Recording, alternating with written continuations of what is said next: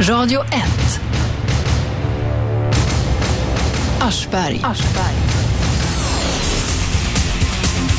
Det är jag det. Vi kör varje måndag till fredag. Idag ska vi tala om grodor, närmare bestämt sportgrodor. Det är såna här fadäser som kommer ur munnen på en del sportreferenter och andra som kommenterar sport. Och innan vi börjar vill jag säga att jag kan inte ett skit om sport. Så att sitt inte nu några jävla nördar och ring in här för att slå mig på fingrarna. Jag har lagt mig platt. Den som kan något är Lasse Anrell som är här i studion och nyligen har kommit ut med ännu en i raden av böcker om sportgrodor. Den här heter Sportgrodor Deluxe. Välkommen hit. Tack så mycket. Vad roligt att jag fick komma hit. Jag är glad. Ja, vi, vårt litterära intresse är alltid stort. Du, vilken, i ra- vilken, hur många sportgrodeböcker har du gett ut? Ja, det är knappt jag vet. Det började med Sportgrodor 1 och sen hade du sett Sportgrodor 6 så då tror jag det finns en sån och sen finns det väl den här Deluxe då som skulle kunna vara nummer 7. Sju stycken. Jag gissar på att det är 7. Jag, jag har förträngt en del av dem där. Okej. Och hur definierar man en sportgroda? Alltså, jag bedriver ju varje söndag i Aftonbladet eh, den här rosa bilagan som du kastar när du ser den. Bedriver jag ju en avancerad form av språkvård. Den heter Floskeltoppen och jag har gjort det nu i 15 år. Eh, och så, den bygger på att läsarna skickar in en massa tokerier och felsägningar och eh, alltså ansträngda plattityder från, eh, från, från olika tränare och radiopratare och tv-pratare och sådär. Och de eh, finns det gott om. Ja, det finns ju hela tiden. Och så att jag anser mig själv vara precis tvåa efter Svenska Akademin när det gäller eh, eh, certifikat för svensk språkvård. Ja, men det egentligen har, det finns väl inga regler för en sportgroda annat än att den ska strida mot gängse alltså, regler så En säga. floskel skulle ju kunna vara så att, att man försöker använda lite finare ord än man klarar av. Jag, jag, jag skulle kunna ta som ett exempel, det är ingen så jättefint ord, men alltså, de vill ju vara väldigt eh, litterära. Sportkommentatorer på tv nu är ju otroligt eh, avancerade. Det är, som, det är som kärnfysik ungefär. Men jag skulle kunna ta ett exempel. Rolf Zetterlund, fotbollstränare, eh, använde ett ord eh, som han inte riktigt behärskade. Han sa så här eh, i, i halvlek i fotboll. Fotboll, det vet du vad det är. Det är alltså Ja, det, det- två det- lag, man sparkar, man får inte ta med mål. händerna. Det Utom blir, det är, aldrig, det blir aldrig några mål. Nej, Nästan aldrig. Nej. Ja. i alla fall han sa i halvlek, ett av de lagen han tränade, det kan ha varit AIK eller Hammarby eller Brage eller något sånt där. Så sa han i halvlek när hans eget lag hade varit dåliga och inte eh, bra. Då sa han så här till spelarna när de gick ut inför andra halvlek så här. Idag grabbar har ni va- varit i första halvlek alldeles för loja. Får jag se minsta lojalitet från er i andra halvlek så byter jag ut er direkt. Ja, det är bra. Du skrattade lite där. Ja, jag skrattar faktiskt Ja. för att egentligen känner man igen när man kommer ihåg när ungarna var små och de testar ord sådär. Va? Och, och de kan inte, vet inte riktigt. Så jag vet min, min grabb frågade en gång så här, var, lig, pappa, var ligger Orionskärpet?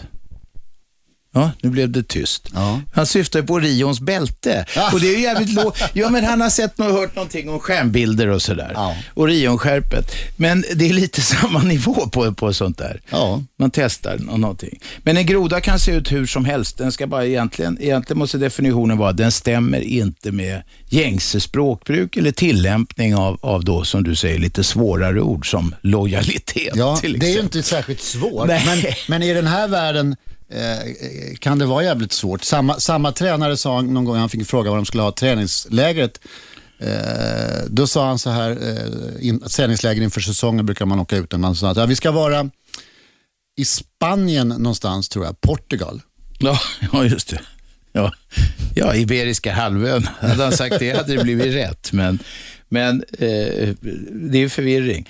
Det finns, sportgrodor har faktiskt blivit ett så pass starkt begrepp att jag, jag såg på nätet, det var någon politisk reporter på TV4 som talade om politiska sportgrodor. Då hade han samlat detta, för då var det sån här, alltså där politiker går på varandra i riksdagen med ett, mer eller mindre haltande såna här sportliknelser.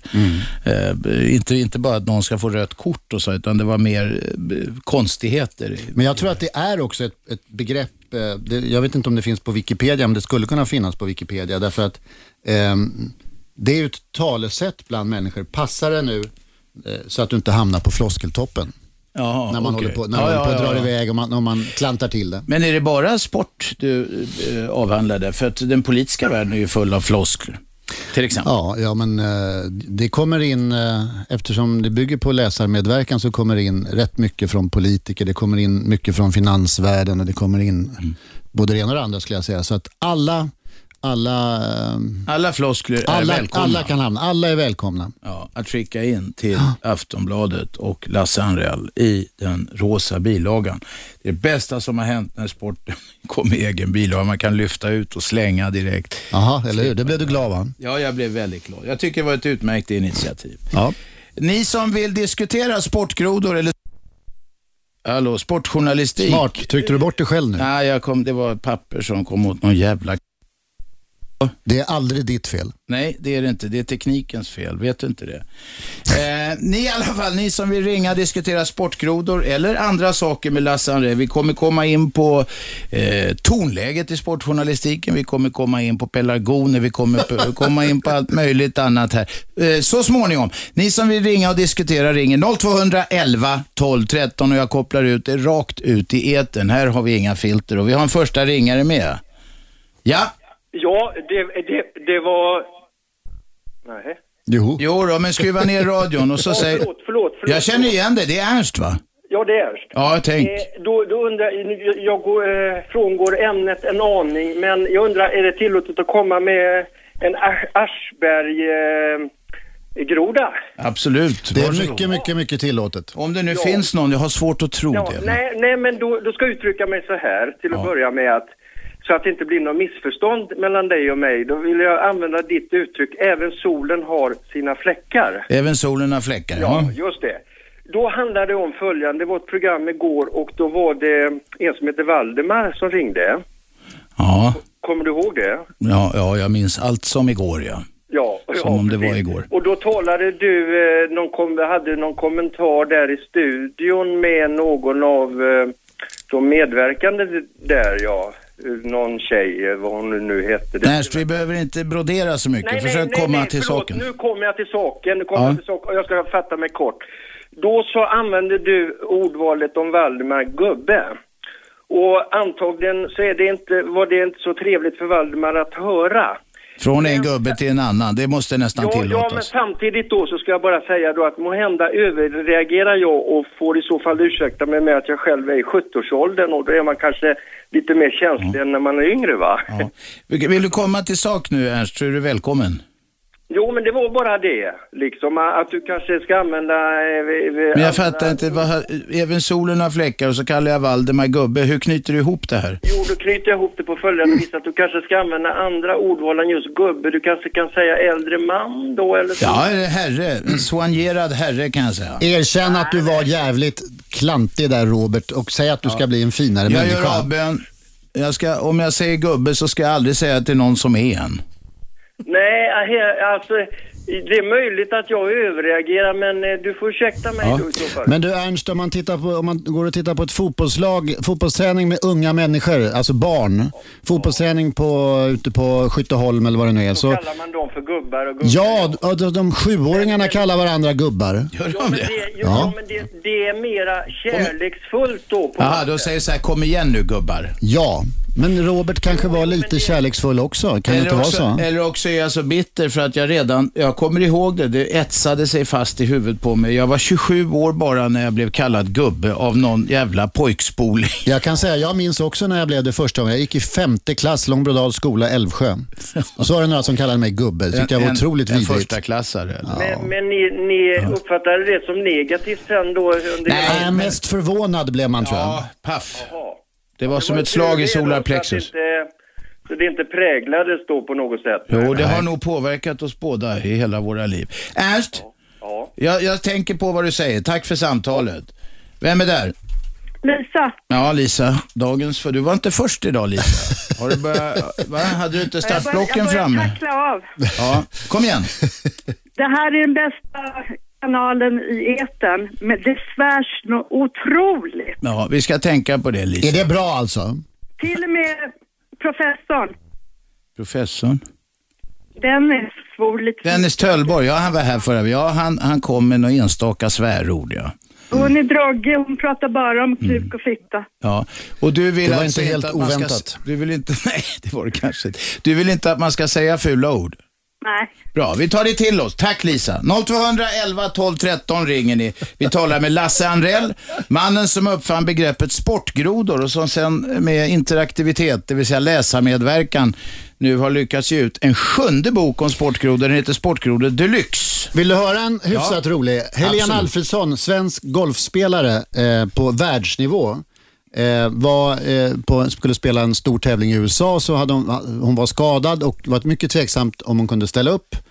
Eh, och så var det pre- eh, internationell presskonferens och hon var inte så bra på engelska än. Men så sa hon så här apropå det här med skadan, eh, att hon var tveksam så sa hon I have a great pain in the ass. Sa hon det? Hon sa det. Du vet vem hon är dessutom, Helena Alfredsson. Ja, ja, Så ja. hon är ju numera världsartist. Och, hon, hon, Och det är inte så lätt med språk alltså. Nej, det betyder alltså för de som i möjligen hade friluftsdag när det var engelska lektioner, det betyder att man har ont i arslet. Men det är också ett större begrepp eh, på engelska. Det betyder att någon är en riktig plåga. Jag vet. Mm. Hon blev sen ihop med en känd hockeyspelare så det kanske var honom hon menar. Kenta Nilsson. Det vet Ja. du inte vem det är. Jo, däremot. det namnet känner jag nästan igen Ja. bättre än... Han är hennes caddy numera. Jaha, ja. Okej. Ja, Så ja. kan det gå. Det är nog inte det sämsta om hon, eh, om hon då bidrar han väl till inkomsterna, ger henne rätt klubba då i, i rätt läge. Du, eh, eh, sportgrodor, ta några fler exempel, det är kul att höra. Ja, alltså vi håller oss i den här eh, klassen med eh, språksvårigheter så har vi eh, Johnny Ekström, känd svensk fotbollsspelare som blev proffs i Italien. Han var inte känd för att vara kanske eh, den, den vassaste kniven i lådan. Eh, och så fick han frågan hur han skulle klara sig i Italien. Och så sa han så här, jag kan ingen italienska alls. Jag vet inte ens vad spaghetti heter på italienska. Det där har också blivit ett talesätt tycker jag. För eh, liksom, eh, det, det, många, folk kör många varianter på det där när de ska vara roliga numera. Alltså, det härstammar ja. därifrån. Okej, från det hans uttryck och sen har det vidgats Ja, så det omfattar även andra, andra grejer än, än, än Ja, spagetti. men du vet, man skämtar om att man är dålig på språk och så, och Ja. så visar och så skäm, man kan de här språken redan. Ja, just det. Just det. det visar sig att Den engelska fotbollstränaren Roy Hodgson, Ja. som var tränare i Sverige, Mm. hade också språkproblem. Så sa han, eh, un, mitt under en fotbollsträning så sa han, Come on boys, play the ball from cant, nej, come on boys, play the balls from kant to kant. Ja, det var, eh, vad heter det? Vänta nu kommer skratt därifrån alltså. Ja. Ja men eh, Seppe, du är, det är Sepide som är idag. Shabbe simulerar sjukdom. Hon är, håller sig hemma idag. Jag tror att det är lätt. Jag, jag tror att om man la ut en liten ostbit på ryggen på henne så skulle latmasken krypa fram. Vad pratar du om nu? Shabbe eller? Shabbe ja. Nej, hon är sjuk. Hon är jättesjuk ja, ja. faktiskt. Okej, då är Seppe här som ersättare. Då kan det gå. Den, den var väldigt rolig. Det tog Nu mig lite frågar tid att Lasse fatta. varför du skrattade. Ja, men jag tyckte att den var jätterolig. Eh, men det tog mig någon sekund att fatta. Ja, jag vet. Men, men de är, men alltså det är så här, de är ju, man måste alltså tänka efter, de är, de är ju rätt smarta de här. Apropå, ut, vi håller oss till utländska språk. Ja, ja, det är kul. Johan Ejeborg på TV-sporten. Eh, han gör mycket skidor och han gör motor och sånt där. Och så skulle han intervjua en skidåkare som hade gått i mål eh, på Vasaloppet. Prokororov hette han. Eh, så säger han så här, killen han står där och flåsar, du vet, och det rinner, rinner gegga i hakan på honom. Ja, så säger han så här, eh, you finished the race at extremely fart. Fart, det är att man lägger en rökare på engelska. Jag fattade inte den där. Nej men nu förklarade ju jag det. Vadå you finished the race? At extremely Han, fart. det vill säga, om man vill tolka det lite illa, han pruttade sig fram till målet. Jag tyckte den förra var roligare. Ja, Johan Ejeborg sa en annan gång till en annan skidåkare som gick i mål. And how are you going to fire this tonight? Fyra. Elda. Okej, ja. Nej, det här är inte roligt tydligen alltså. Jo, Jo, det, är det är roligt. roligt, men- Det är roligt, men man måste vara lite Men smart. Sepide måste tänka några minuter för innan de fattar grejen. Nu ska vi ta lite reklam. Vi är strax tillbaka med Lasse Anrell och Sportgrodorna. Men det finns eh, mycket att tala med Lasse Anrell om. Det ska vi också göra. Ring 0211 12 13. Jag plockar upp samtal i pausen. Detta är Aschberg på Radio 1. Radio 1. Aschberg. Måndag till fredag 10 till 12 på 101,9 i Storstockholm. Ni kan lyssna via radio1.se också på nätet. Går bra att lyssna över hela världen. Eller via telefonappen som är gratis och funkar bra där det finns 3G. Här kommer Magdalena Forsberg i koncentrerad form. En sportgroda jag hittat på nätet. Det är Åke Unger, gammal TV3-medarbetare, som har kläckt ur sig den. I koncentrerad form. Vad menar han med det, tror du? Ja, man vet inte alltid vad Åke Unger menar kan jag säga. Han, Det- det han finns liksom- med här och där, jag kommer inte på någon bra nu, men ja, det där var ju en väldigt... Magdalena Forsberg i koncentrerad form. Han kanske menar att hon är koncentrerad, så måste det vara. Att hon var koncentrerad på det hon gjorde, vilket är rimligt om man är ute och tävlar. Ja, eller också tyckte han att hon var väldigt eh, attraktiv. Ja, eller något. Det Eller, finns många sådana. Ja, ja, jag vet inte, det där får du ta, ta med Åke. eller frystorkad eller någonting. ja, du måste fråga. Hade du hittat en egen där? Alltså, Nej, jag, jag hittade en på nätet med, så du, du får ju konkurrens. Vi har inte gått igenom och så jävla noga. Men du vet vilka jag tror är den mest kända sportgrodan? Ja, originalet om vi säger så. Alltså originalet, jag tror att det började, eller jag vet ju hur det började eftersom det var jag som började. Ja. Det var ju de här Rolf Zetterlund som, den, som jag drog för ett tag sedan, han med loj och lojalitet. ja. Men, men den mest kända, och som, eh, det är en Arne Hegerfors berömda från fotbolls-VM 94 eh, när Sverige spelade mot Kamerun. Jag tror att det var Sverige mot Kamerun i alla fall. Och han säger så här, det ser mörkt ut på Kameruns avbytarbänk. Det, det kan ju, man ju tycka är väldigt kul. Eh, Det var lite kul. ja, eller hur?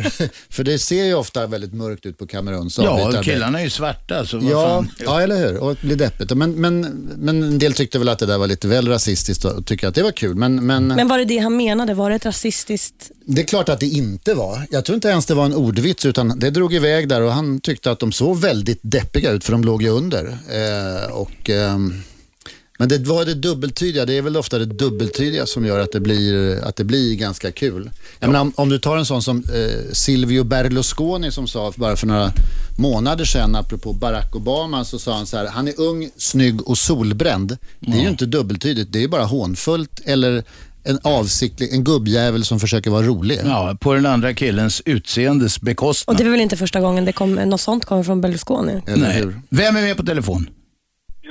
Tjena, Erik heter jag. Erik, kom igen. Jo, jag tänkte höra med Lasse här, som nu ändå är gäst här. Och då, jag kan tänka, är det okej om man släpper floskelbiten och eh, gräver ner lite djupare i idrottens tankar? Gör ett försök. För mig är det helt okej.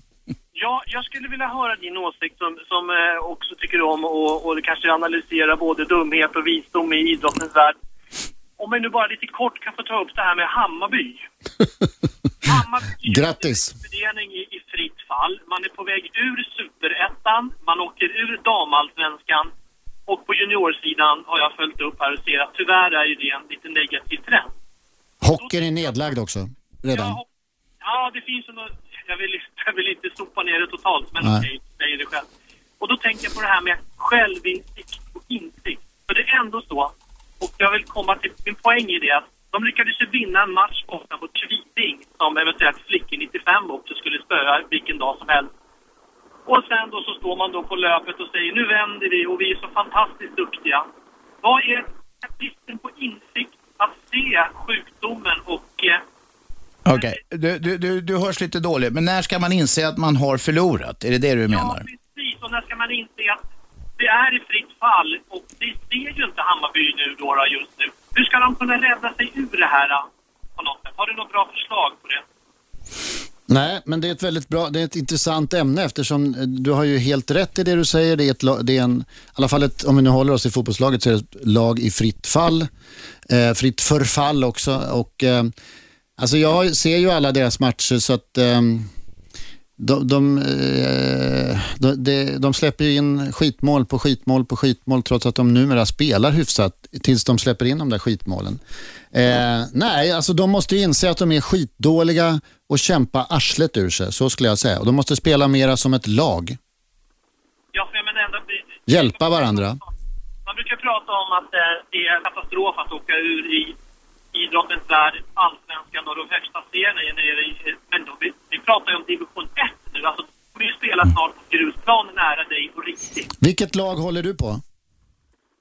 Eh, jag håller på alla Stockholmslagen. Nej, så, sånt gör man bara i Göteborg. Håller på alla Göteborgslag. Jag är, jag är gul gulsvart. Ja, det tänker jag att det hörde man ju lång väg. Fast du försökte dölja det. Men vad är det av omtanke då om en motståndare som du tar upp Nej, frågan? han njuter av varje sekund. Jaha, det är ren sadism här alltså. Nej, det, det där är inte sant. Det är nämligen så att jag har varit nere och vänt med gulsvart också ett par gånger. Och med ålderns höst, jag följer gärna ishockeyn också, jag vet att det är upp och ner. Och saken är den att det, det är ju faktiskt ett faktum att, att skulle det mot alla tänkbara odds vara så att Bayern åker ur här, Djurgården åker ur, ja men det säger sig självt, det blir ju ett förfall för hela Stockholmsidrottens elitverksamheter. Men tror du att för Hammar, Hammarby, eller jag vet ju knappt var de ligger, men om det nu går så jävla dåligt här, jag tar det i borden, kan det vara renande med någon slags stålbad? Men Hammarby befinner sig redan i ett stålbad. Ja, ja, det är det som är grejen. Åker man ner i Superettan och har den traditionen som Hammarby ändå har och jag då som gnagare då ändå tycker att det är fantastiskt kul för det spetsar ju till alltihopa. Det gör ju att men åker man ner i division, vad fan heter det under? Super, division Supertvåan tycker jag vi kallar det. Ja, super två.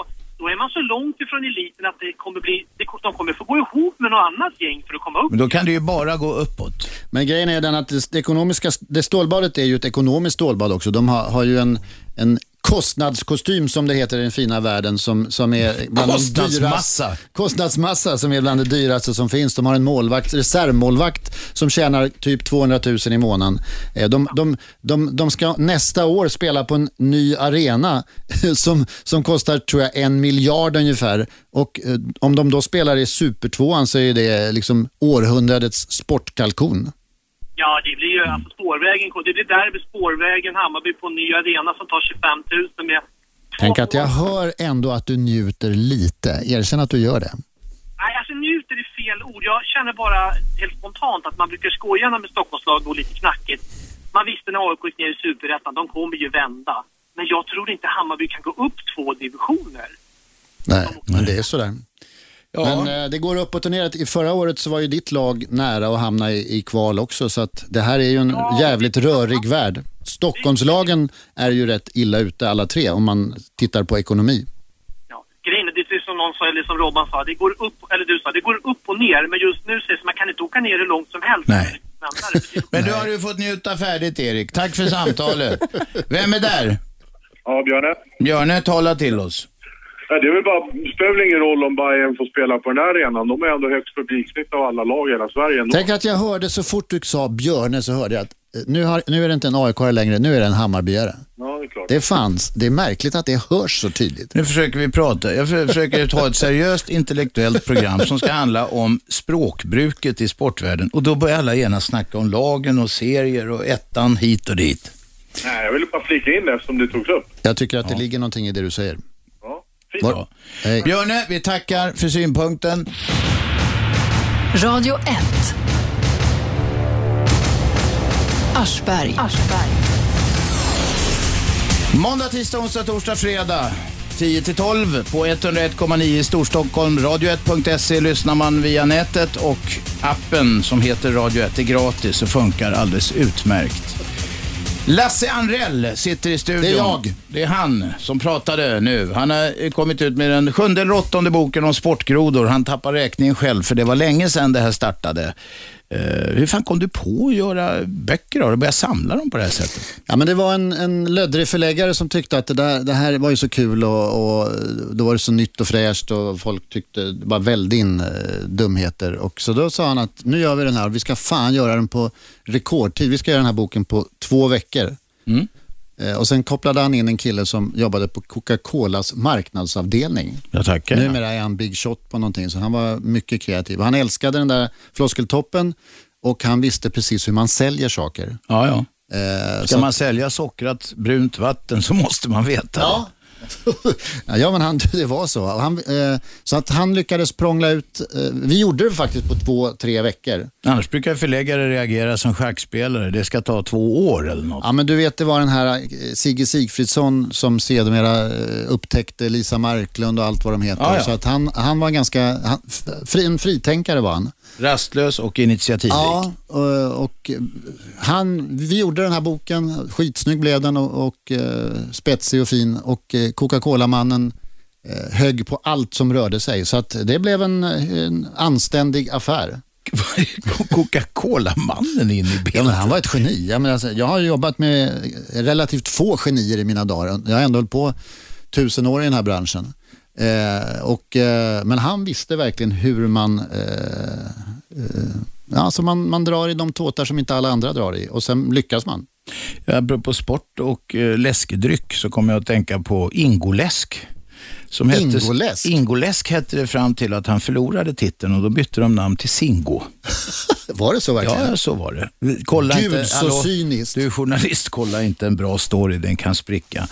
Men du, vi pratade i pausen här när ni inte var med, eh, kära, kära lyssnare, så pratade vi om, om alltså att varför det blir så fel och, och eh, eh, om det är för att det går så fort i radio. Men jag har ett exempel på att, och jag säger att det, det är det väl förmodligen, men sen är det också att många i sportvärlden vill vara lite finare och lite duktigare än de i själva verket är och lite mer beläst. Jag har ett exempel på en skriven tokighet eh, som, som kommer från Svenska Dagbladets första sida. Det tycker man ju ska vara... Fina Svenska Ja, Dagbladet. fina, ärevördiga Svenska Dagbladets första sida. Det ska liksom vara de skarpaste pennorna på Östermalm, tycker Ja, man ju ja, nästan. Alltså. Eh, de skulle ha en, en puff för en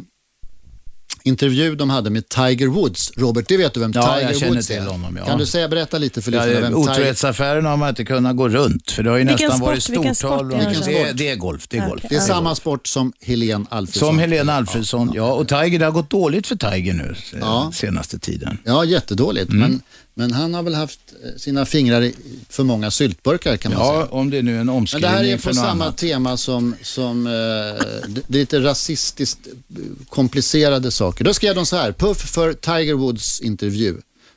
Svenska Dagbladets första sida. Svart pappa, thailändsk mamma. Det är inte den bästa genetiska förutsättningen för att bli något inom golfsporten. Herregud. Eller hur? Det var, det En var ny det. raslära Ja. kunde de presentera. Det här är bara några år sedan. Det, det, vilka raser är bäst på golf? Liksom? Rent genetiskt. Ja, det, det kanske är för att Men är det också en groda alltså? Ja, det är klart det är. Ja, det är- alltså, de menar men- väl inte att vara rasistiska? Mycket kan man Nej. nog säga om svenskan, men inte att det. de, de var, Ja, Men är det en lite- felsägning eller är Ja, det det är en felsägning är det inte heller. Det är, en, det är en omedveten, jävligt korkad utsaga, skulle man kunna säga. Mm. Det är därför det här, alltså sportgrodor och floskeltoppen, att det, det rymmer nu i princip allting. Alltså, jag har ett, några andra exempel här. De, är inte roliga, men eh, Lennart Johansson som är chef för Uefa, Europeiska Mm. Och var fotbollsförbundet. Fifa-chef också. Jag va? vet, nej det har han inte varit. Han Nej. ville bli men han fick Ah, inte. så var det. det är en av de högsta tjänstemännen inom eh, Fotbollen. fotbollen. Vi får skynda på mitt Ja. sportanalyserande. Ja, ja, ja. men han var väl förmodligen lite på dojan, intervju med en svensk journalist på Aftonbladet, Olof Brundin, som Robert har träffat. En hård jävel. Han utnyttjade att han hade fått i Lennart några, några, några, några saker. Så, så han, han, det drog iväg, han säger såna här saker. Jag vet ju inte vad som är inbyggt i den svarta rasen, men jag har konstaterat att de inte tycker om att simma.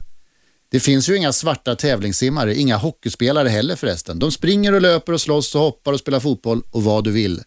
När jag, kommer ner, när jag kom ner till Sydafrika var hela salen full av svartingar och det blir, blir jävligt mörkt när de sitter tillsammans. Så att man kan komma Nej, långt det där även var om man inte inte ens kul. Det vet jag väl. Nej, det där var ju Men det här sa han. Men det är ju en groda. Det är en groda så det stänker om det. Och vi tycker inte Därför att, att han det- har rätt. Ja, Är det en nej. groda? Men vad är en groda då? Nej, kan det- definiera ja, vad en vänta. groda är då? Det är en groda därför att officiellt förväntas man inte säga sådana saker, även om han nu möjligen tycker så. Peter Wallenberg, i alla fall en av Wallenbergarna sa ju sådana här saker också till Stina Dabrowski eh, apropå någon, Ja, nå- just det, några affärer ihåg. nere i Afrika. Eh, Syda, Sydamerika, Sydafrika tror jag det var. Ja, det var det. Eh, men man kommer ju inte undan med det. Lennart Johansson kommer ju inte undan med det här eh, även om han fick sitta kvar och eh, Wallenberg fick ju jävligt mycket skit för Man får ju skit för det när, man, när, när det drar iväg, men ibland gör det ju det. Med all rätt. Det Och man där- måste, kunna, jag man tycker- måste kunna skämta lite om det också. Det där är ju att vara rasist och sen så finns det de som pratar lite för snabbt eller sådär Mm. och så säger de någonting som låter konstigt. Jo. Ja. Men ibland är det ju så att under viss press att man pratar för fort eller som kanske i det fallet med Lennart Johansson, man har fått några stänkare, då eh, försvinner polityren. Eller hur? Ja. Alkohol förstör Men polityren det både ett, på ett möbler och människor. avslöjande att Ja, ja, det visst. lever kvar en massa korkade Så- fördomar. Och därmed kan man säga att det finns faktiskt ett salt i detta eh, med sportgrodor. Ja, tycker jag också. Ja, ja, men det är språkvård och det är också... För att det finns ju... Alltså sportvärlden är ju full av eh, ganska nattståndna och unkna värderingar på både det ena och det andra. Könsgrejer och... Eh, alltså det är väldigt mycket bögskämt till exempel i sportvärlden. Mm. Eh, och eh, ganska unkna saker. Och då måste man hålla på och, och pilla på det och ha koll på det. Ett sätt, Driva med det. Ett, att driva med det är ju faktiskt att sticka hål på det. Men varför tror du att det finns just så mycket inom sportvärlden? Därför att det är en väldigt grabbig verksamhet.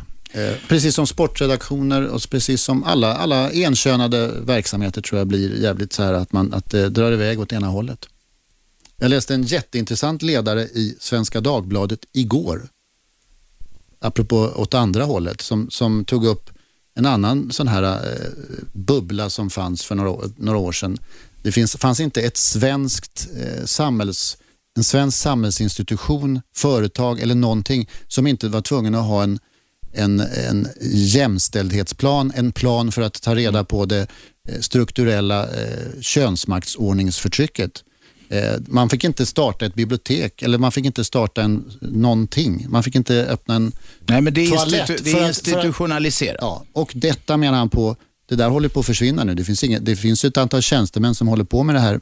Eh, men vem talar om könsmaktsordningen nu? Knappt ens Gudrun Schyman. Så att det går upp och ner och det, man sticker hål på bubblor och det är bra. Varför är sportvärlden, ja du sa det, den är enkönad. Men får jag fråga den är- dig, den var- den Nej, nu den tyst. Nej, Nu är nej, jag- nej, nu är vänta, jag den är ju sexistisk. Jag vill, Ja, men vi ska det- snacka om ja, det. ja, det- jag är gäst här. Jag vill Ja, fråga ja, dig varför du tror att det är så där i den här eh, sportvärlden. Om Varför du har jag- någon, om du har någon jag teori. tror? Nej, ehm, jag har inte funderat sådär jättemycket kring det för att jag bryr mig inte så jättemycket om sportvärlden. Eller har inte brytt mig speciellt Men har du mycket. haft inblick i några sådana här grabbiga strukturer?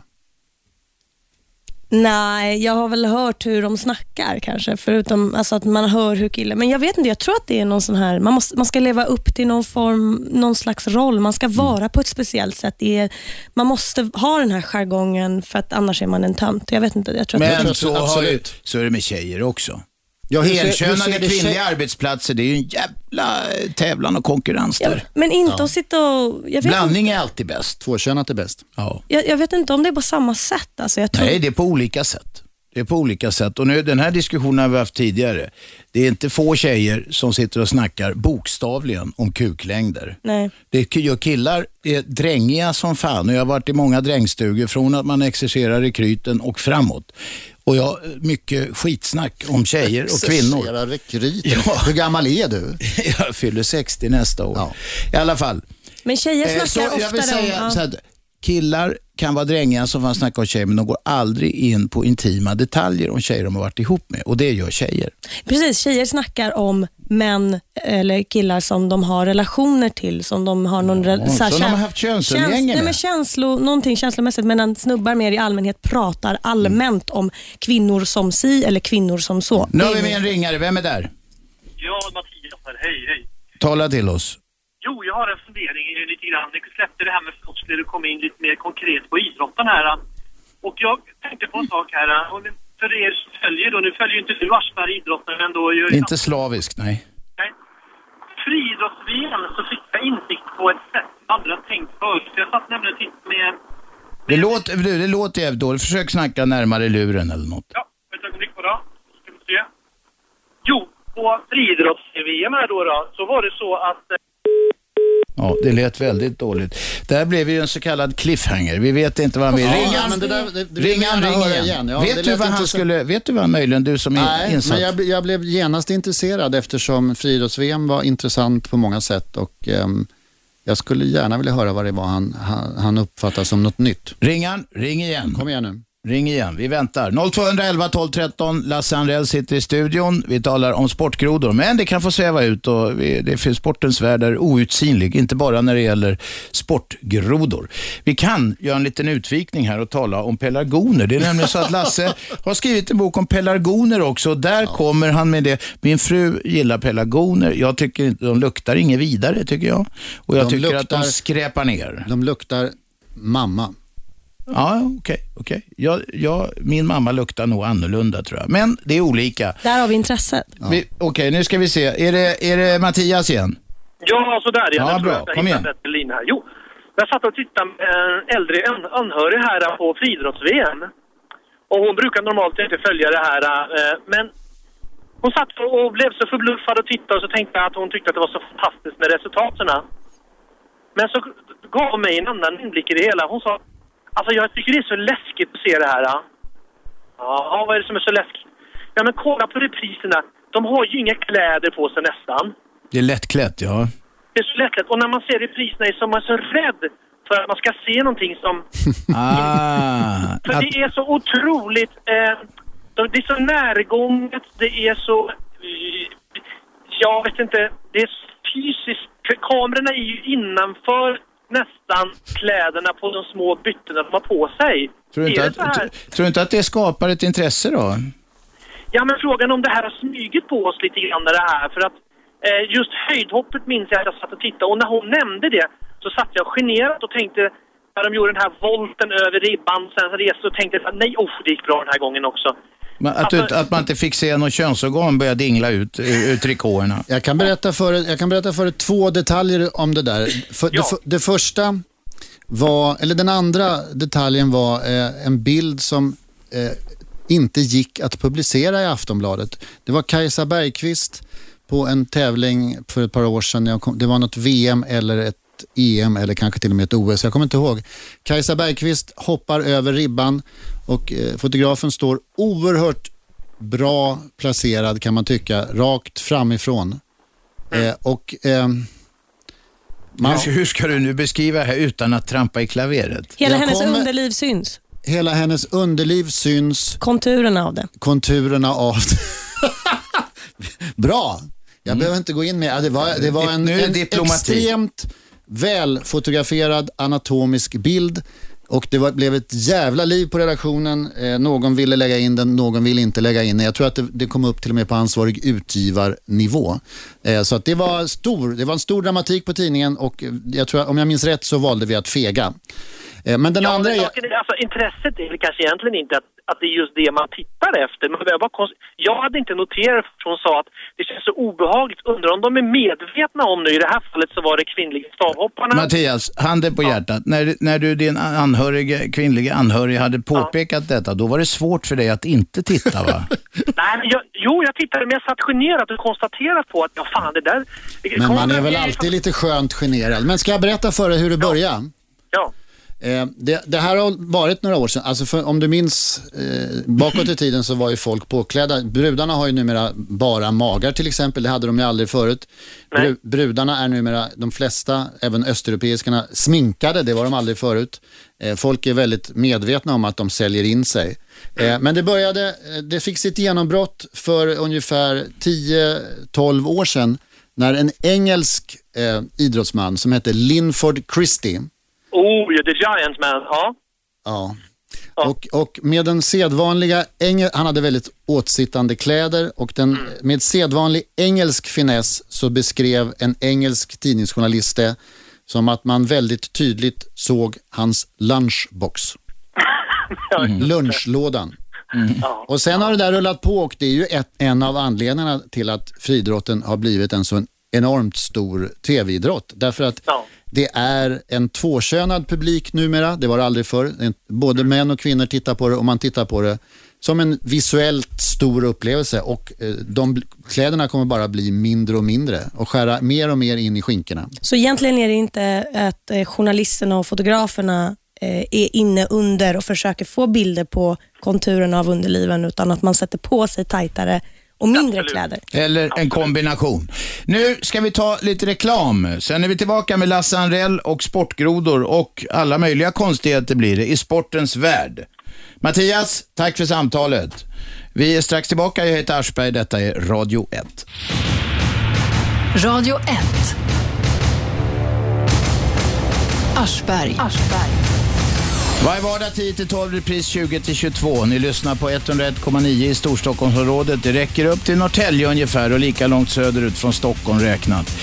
Radio1.se kan man lyssna på också via nätet eller telefonapp om ni haft råd att köpa sån där modern telefon. Appen är gratis. Lasse Anrell sitter i studion. Vi talar om sportgrodor. Jag försökte komma in på pelargonier, men tji fick jag. Vi ska dit, förr eller senare i programmet. Bra, säger Lasse. Vi har med oss Erik på telefon. Kom igen. Ja, god dag, god dag. Idag har jag en rad punkter för att förgylla vardagen. En rad punkter. Ta nummer ett först. Stefan Edberg, den gamla tennisspelaren ni minns, han fick frågan på en presskonferens av någon anledning vad hans pappa gjorde. Han var kriminalinspektör. Då svarade han “He's a criminal”. Den känner jag igen, den har jag haft med. Okej, Ja. Ja, Mycket bra. ja, Charlotte Perrelli som företrädde Nilsson, hon fick ju frågan vad hon gjorde tidigare. Det Men hon är ingen sportare va? Nej. Nej, men det men var vi har allt. Nej, Okej. Ja, hon håller ju på att träna och har sitt Ja, ja, okej. Ja. All, alla fruntimmer med. Eh, och då fick hon frågan vad hon gjorde tidigare. Då sa hon I played in a band called Wisek och spelade i Wisek. Ja. Mycket bra. Ja, Det där förstod de inte här, för jag tror inte de hörde att du sa Y6. Y6. Ja, då, vi förstod det. med, ja. Vi förstod den. Vi Jag slog oss inte på knä. lite förtjust. Vi slog oss inte på knäna omedelbart. nej, De tyckte det var väldigt roligt under den schlagerfestivalen i Israel. Jävlar, är du, när de kalen- sa är du det. kalenderbitare på de Nej, men där jag har också? jobbat med tio schlagerfestivaler Okej. så jag kan branschen. Ja, Okej. Ja, ja. Eh, Jo, sen var det Bosse Hansson också. Det här är ingen plåster, det här är ingen groda eller någonting. När det var Champions League var ju Europacupen förut och då skulle han presentera Inters laguppställning. Det var ju FBT och det var mys på kvällen där. Och då säger, ja, ska han presentera laguppställning och rabblar dem. Då sen kommer avbytarna upp, då säger han bara, men de är ju inte intressanta först de kommer in egentligen. Och så nämner han dem inte ens. Det tycker jag är så skönt. Ja. I dagens läge står det ju spaltmeter om varenda spelare liksom. Eller hur? ja, det var andra tider då. Ja. Eh, Det fanns inte sportbilagor. Man är inte tvungen att fylla lika mycket heller. Nej, och på tv kunde man se en internationell utländsk fotbollsmatch per år och det var, Var det? Euro Europacupfinalen. Var det allt? Det var det enda. Åh fan. fanns Det är inget bara annat. Bosse Hansson som får till det sådär vill jag Ja. eh, En liten rolig gåta här kan jag få ställa också. Ja, Erik, du, ja. är det lika roligt som dina roliga historier du förgyller programmet med ibland? Men vi provar. Vi vågar oss ut på tunn is. Varsågod. Ja visst. det var två män som satt i en eka och den ena rodde åt... Hur var det nu? Ost och den andra. Den nu? ena rodde åt väster och den andra åt ost. Vilket håll gick båten? Ja, vi, ja, det var två män som satt i en eka och den ena rodde åt nord och den andra åt ost. Vilket håll gick båten åt? Ja, den gick Då åt svarar nord. jag nordost. Nej, han Nej. åt ju ost.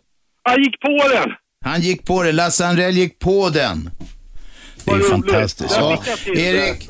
Erik, jag kan Oj. knappt bärga mig till du ringer igen med någon sån, så kallat roligt skämt. Ja, vi tackar för samtalet.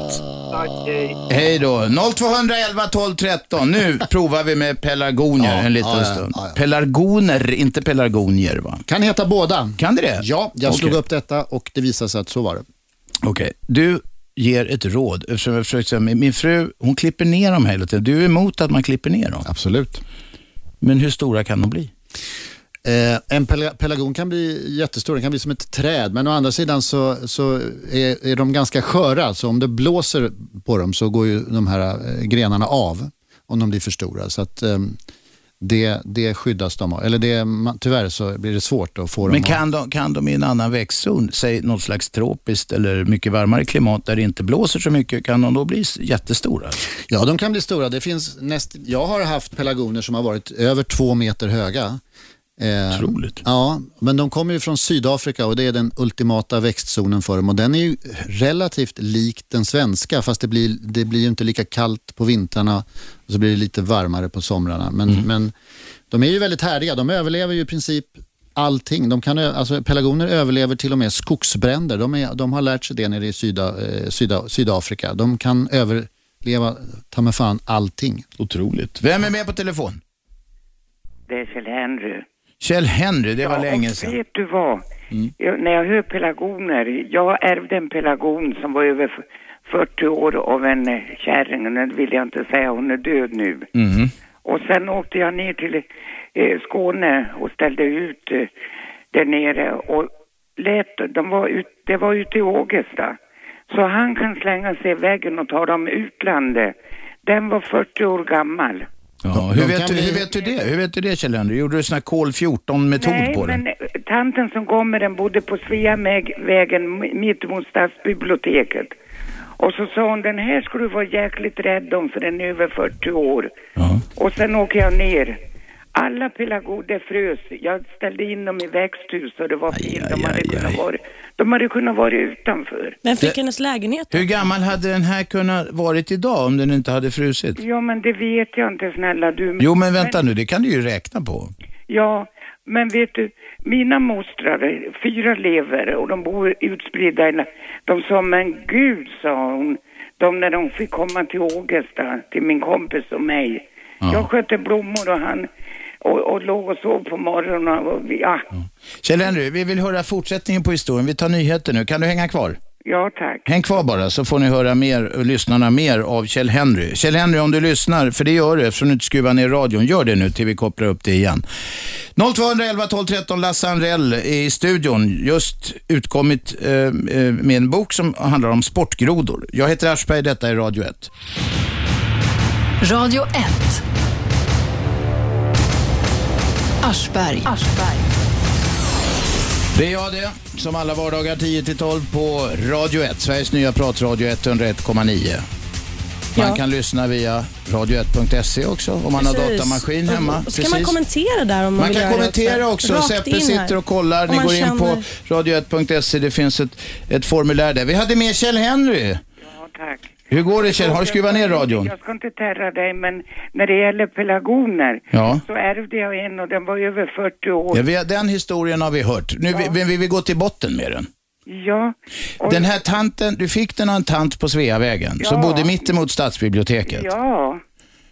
Hur hade du lärt känna Ja, henne? du ska vara rädd om henne, eh, den här pelargonen. Men hon har ju, tanten har ju lämnat oss. Ja, Pelargonen har också lämnat oss. ja, 40 stycken gick i, i, i frost när jag ställde in dem i växthus.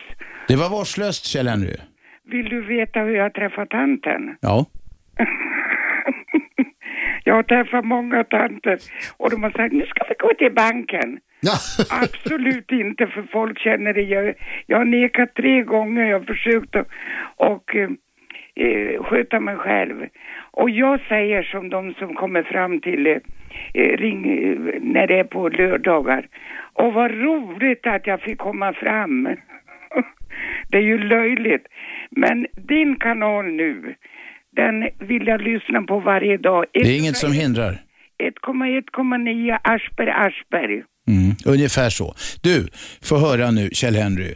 Eh, för de, de lyssnare som möjligtvis inte känner igen dig, så var det ju så att du var ju världsberömd i Sverige ett tag. Eh, och det berodde Va? på, om jag minns rätt, så var det någon slags reklamfilm för ett fastighetsbolag va? Ja, men jag, jag kan ju säga det för det är redan sålt. det var, jag gjorde första, va- nu driver du mig till att säga det, jag gjorde första Vasakronan. Det var en reklamfilm för fastighetsbolaget Vasakronan. Ja, men före det hade jag gjort 16 program i ettan, tvåan med mat före Asch, inte dig nu. Nej, nej. Men efter dig så kom det eh, Persbrandt va? Ja, han var min Det var ni två som var macho-killarna där. Han tog upp din fallna mantel. Ser du nu vad du får ur mig? Han var min speakerröst i första. Eh, Ja. Du, får jag säga en hemlighet fast det är inte alla. Ja, men säg den bara till Lasse och mig då. En gång. Ja. När jag gick upp och gjorde om min röst så sa de du måste väl låta mer elak. Och jag tänkte fan, nu svär jag fast jag har inte gått teaterskola. Och då såg jag pappret och stod det så här. Mitt namn, Kjell Henry är naturlig. Persbrandt, det låter som man läser en saga. Va? Tänkte jag, han som har gått och allt. Du vart mer intresserad av det än pelargonen. Jag hängde inte med riktigt. Men, Nej, inte jag heller. Nej, men vi släpper det. Ska vi backa till pelargoner? Hur mycket många pelargoner har du idag, Kjell Henry? Ingen alls. Har du gett upp? Ja, ja, ja, av olika anledningar. Men jag brukar säga, alltså, om man har 40 stycken och de fryser ihjäl så, så ska man vara ledsen eh, ett par dygn. Eh, men, men sen är det inte hela världen, det är ingen katastrof. Nej. Pelargoner går man till en affär och så köper man nya, de kostar 19,90. Jaha, det är en rätt billig blomma, alltså billig Och kryckväxt. man ska inte betala mer heller brukar jag hävda. Snälla Aschberg, jag säger det. Där jag är- befinner mig nu så är, är det... Jag har inte ens pappersblommor. Utan, Vad sitter du på kåken eller? vad?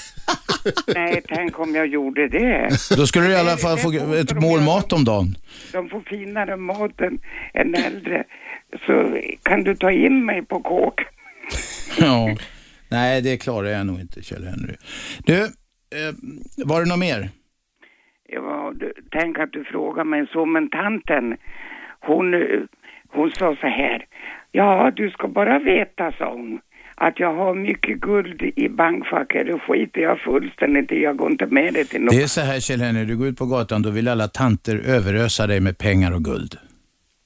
Ja, du har nästan lite rätt där. Det är lite så för mig också, Kjell-Henrik, kan jag berätta. Har man pelargoner som offentlig hobby och eh, liksom sticker ut som en pelargonman, då kommer det ganska mycket tanter och vill eh, ge en saker.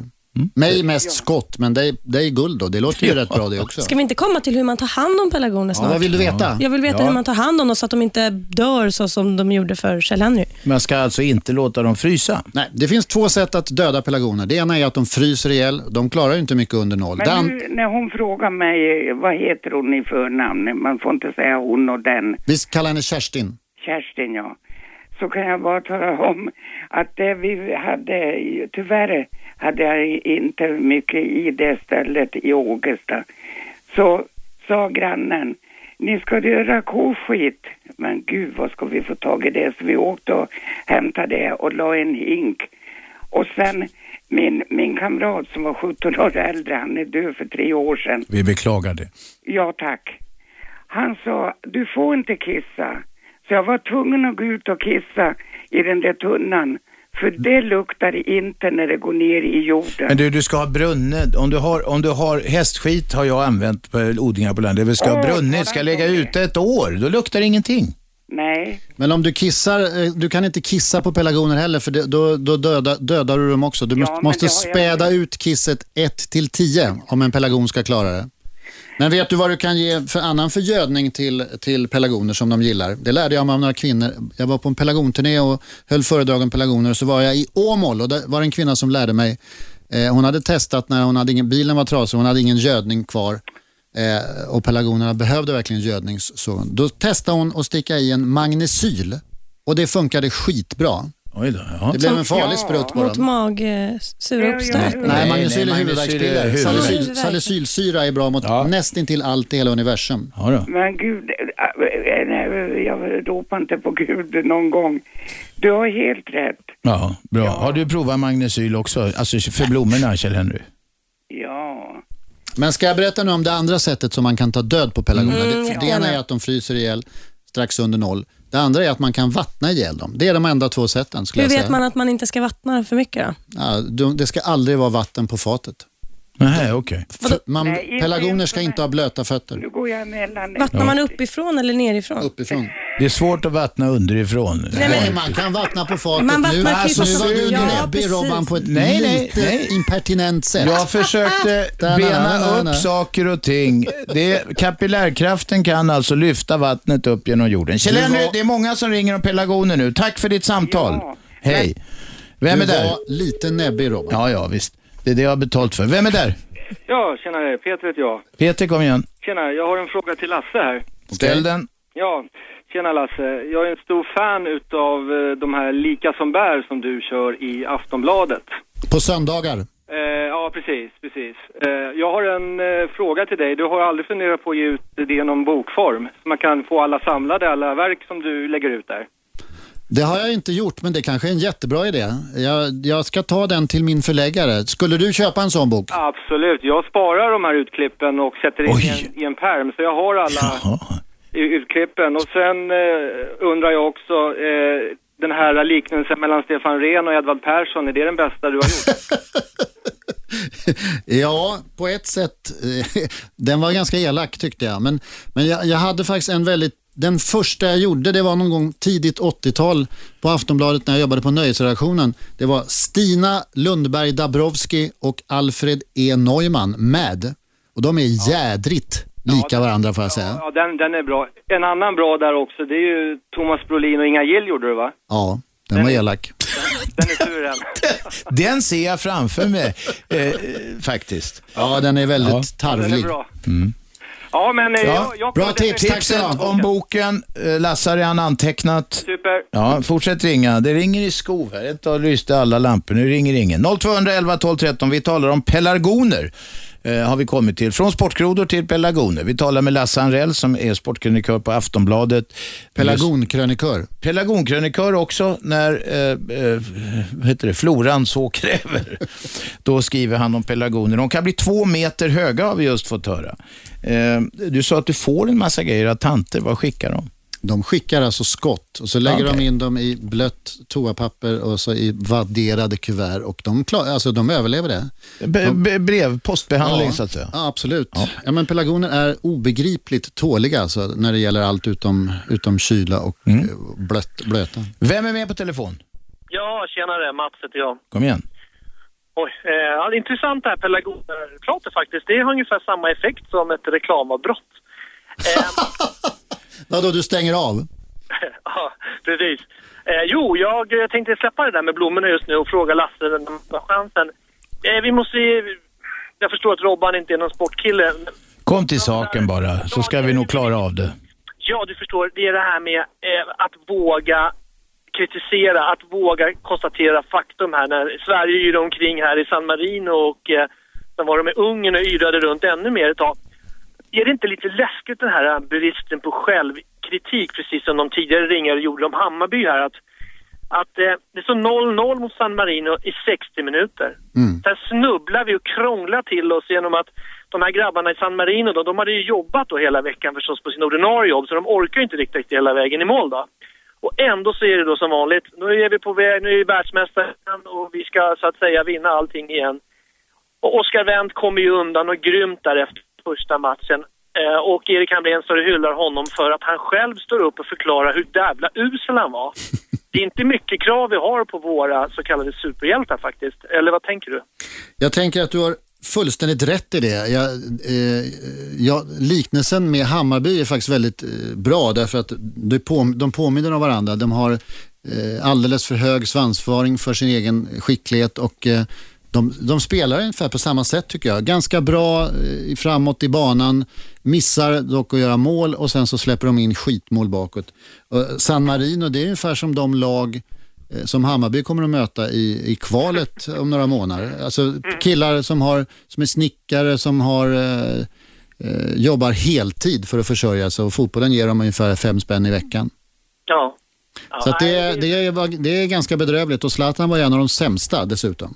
Vad beror det på, tror du Mats, att, att, eh, den här, att folk har så jävla, eller folk, en del idrottsmän, idrottslag har så förbannat hög svansföring?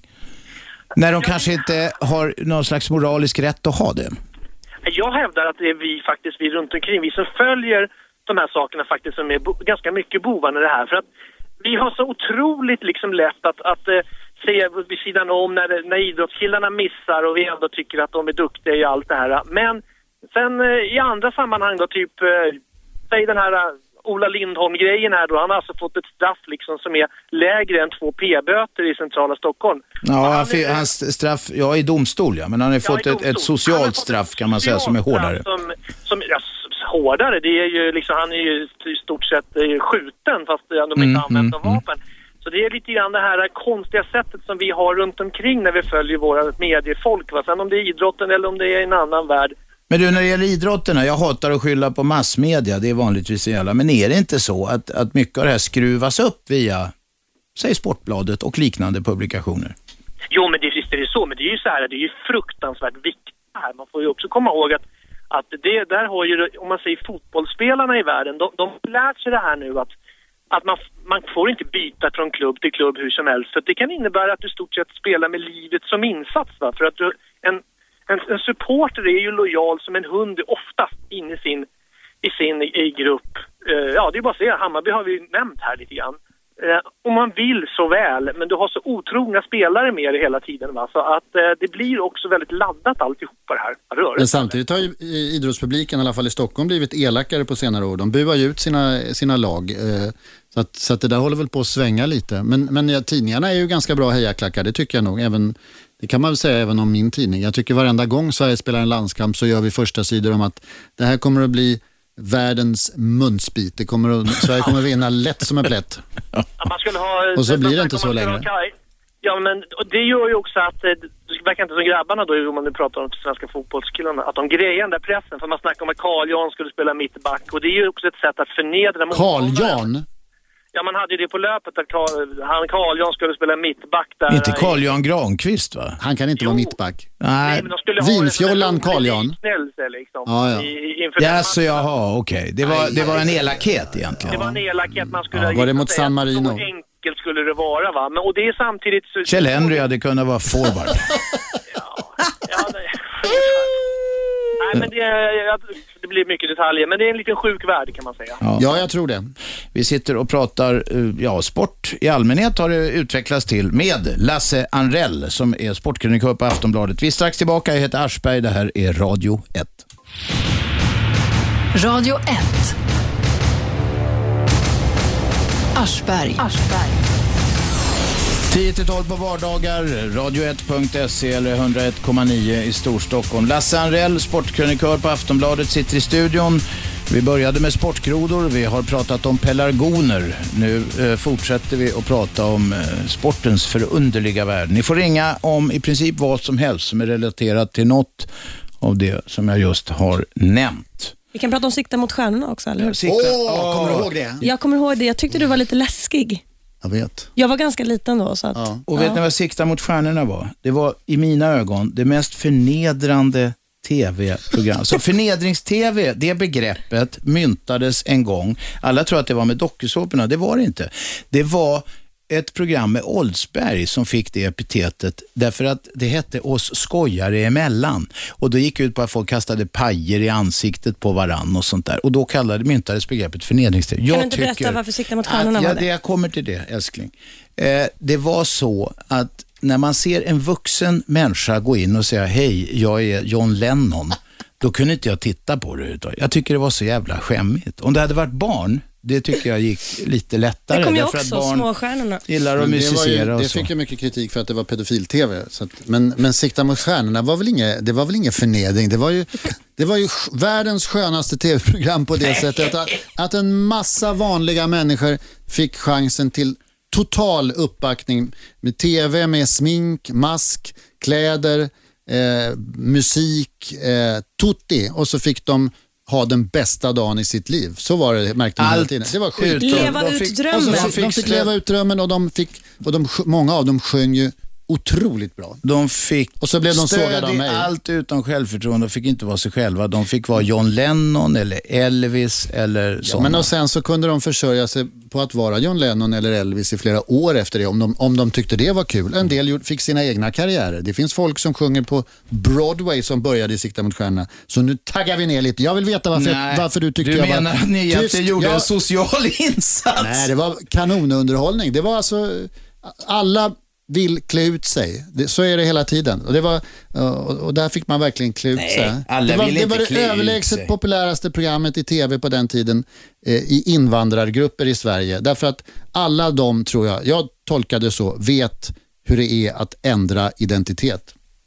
De kunde tänka Det sig... där resonemanget Han har- hänger inte jag riktigt med Nej, på. nej, men jag tror du har har flyttat till ett Lasse annat har, land och Lasse alla har program är- filat mycket på det här Alla, alla program är jävligt jobbiga för du måste förstå språket. Det här var ett program som lätt gick att ta till sig och alla kunde bära på, en, på olika drömmar om att byta identitet ibland. Eh, så att, eh, det var verkligen så att det här var det överlägset populäraste tv-programmet Eller så, i titta, invandrar-Sverige. det är John Lennon, fast vänta, det är något konstigt med honom. Det är ju inte John Lennon. Tala nu om istället varför du tyckte att jag var läskig. Men eh, det jag minns var väl att du var väldigt kritisk.